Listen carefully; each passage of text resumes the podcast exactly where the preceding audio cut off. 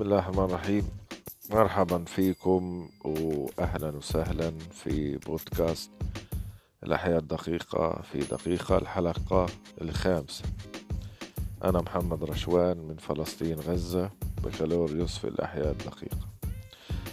آه، طبعا إحنا استعرضنا آه، سلسلتين سابقتين لتاريخ الأحياء الدقيقة. اليوم الحلقة الثالثة. الحلقة الثالثة اللي حضراتكم لو تابعتم الحلقتين اللي فاتوا آه، راح تشوفوا كيف تطورت النظريات الحالية في والأسس في علم الأحياء الدقيقة. كانت قبل هيك آه، عبارة عن فرضيات فرضيات من من ديانات أو من حضارات أو من أشخاص اللي اتطورت لغاية القرن السابع عشر لما آه أنطون فان ليفن هوك اخترع المجهر وأول من رأى الأحياء الدقيقة تحت المجهر. وطبعا هو آه رسمها وصورها على الورق. طبعا بعد هيك إحنا حكينا عن إسهامات أخرى لعلماء أو تجارب. آه، لما وصلنا للعام 1858 للعالم جيرلك اللي هو أول من استخدم الصبغة لصبغ البكتيريا. آه، اليوم راح نستعرض العام 1860 ميلادي. اللي اكتشف فيه باستير دور الخميرة آه، في عمليات التخمر. آه، في نفس العام 1860 الجراح الإنجليزي اللي ذكرتكم تحفظوا اسمه في الحلقة السابقة الجراح الإنجليزي جوزيف ليستر أدخل وسائل تعقيم عديدة آه، للأدوات المستخدمة في المجال الطبي. طبعا له إسهامات أخرى أيضا راح نذكرها. آه، نأتي إلى العام 1964 آه، 1964 كان هذا العام آه، عام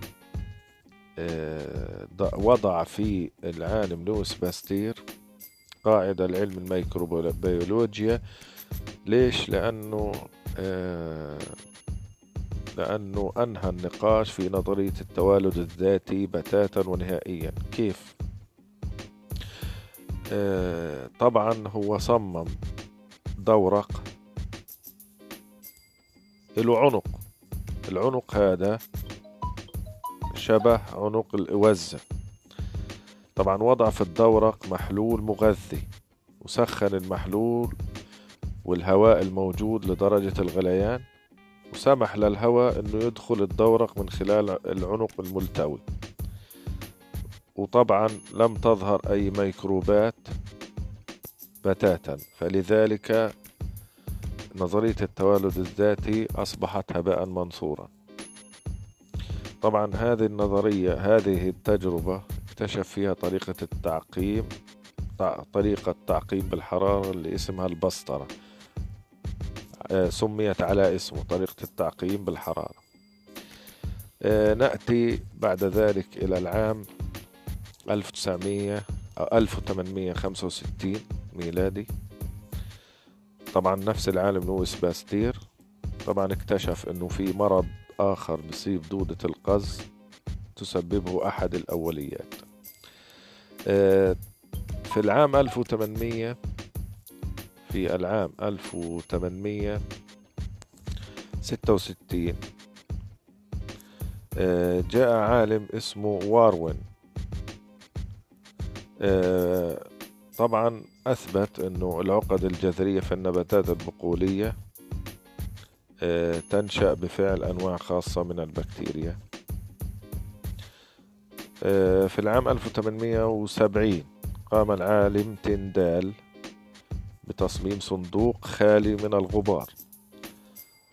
وخلى الهواء يخش أو يدخل إلى هذه إلى هذا الصندوق من خلال أنابيب عديدة الالتواءات. وضع داخل الصندوق في منتصف الصندوق أنابيب. احتوت على المرق المغلي. وبقيت بعد هذه التجربة الأنابيب خالية من التلوث. لأنه لم يدخلها ذرات الغبار. وهذا أيضا إثبات على آه، خطأ نظرية التوارد الذاتي.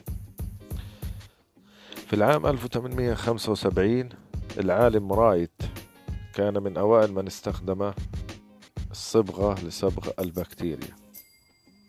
وهناك آه، صبغة باسمه باسم هذا العالم.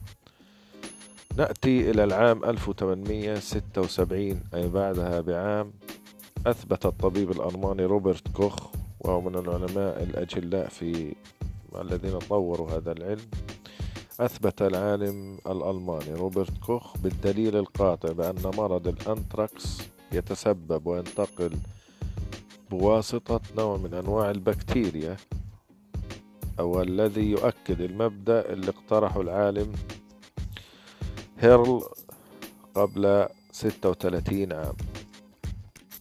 طبعا في فرضيات آه، آه، ألفها آه، روبرت كوخ. أربع فرضيات راح نحكيهم هالجيت وننهي الحلقة ونكمل الحلقة الجاية إن شاء الله. طبعا الفرضية الأولى لفرضيات روبرت كوخ بتقول الفرضية الأولى بتقول يجب أن يوجد المسبب المرضي في جميع الحالات المرضية. يعني لا يجوز أن الإنسان يمرض بمرض إلا يكون هناك مسبب لهذا المرض أو بكتيريا أو فيروس أو أي كائن دقيق. الفرضية الثانية بتقول إنه إمكانية عزل الكائن المسبب للمرض من جميع حالات الإصابة في بيئة نقية. إنه أنا البكتيريا اللي موجودة هذه داخل الشخص أنا بقدر أخدها أعزلها وأزرعها في أو أخدها بصورة نقية أو أعرف التشخيص أو إيش شو هي البكتيريا أو الفيروس المسبب لهذا المرض. بقدر أعزله من الشخص أو من الكائن الحي. الفرضية الثالثة بتقول إنه إمكانية الحصول على نفس أعراض الإصابة من خلال حقن عائل سليم بالعامل المسبب. إنه أنا لو, لو أحضرت هذا المسبب للمرض وأستخرجته من المريض وحقنته في شخص سليم فيسبب له نفس إيش؟ المرض. كلام تمام. الفرضية الرابعة بتقول إنه إمكانية عزل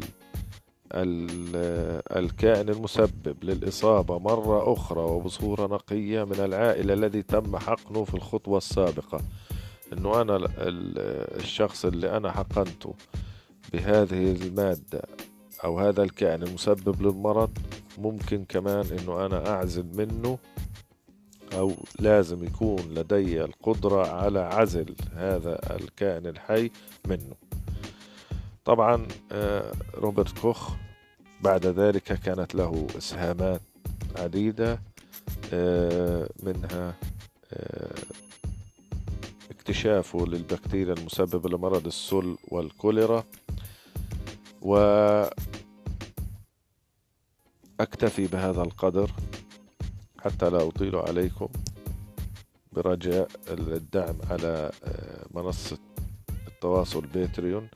الرابط في أسفل وصف البودكاست وشكرا لكم ونلقاكم في حلقة قادمة إن شاء الله لإكمال هذه السلسلة عن تاريخ الأحياء الدقيقة. شكرا لكم.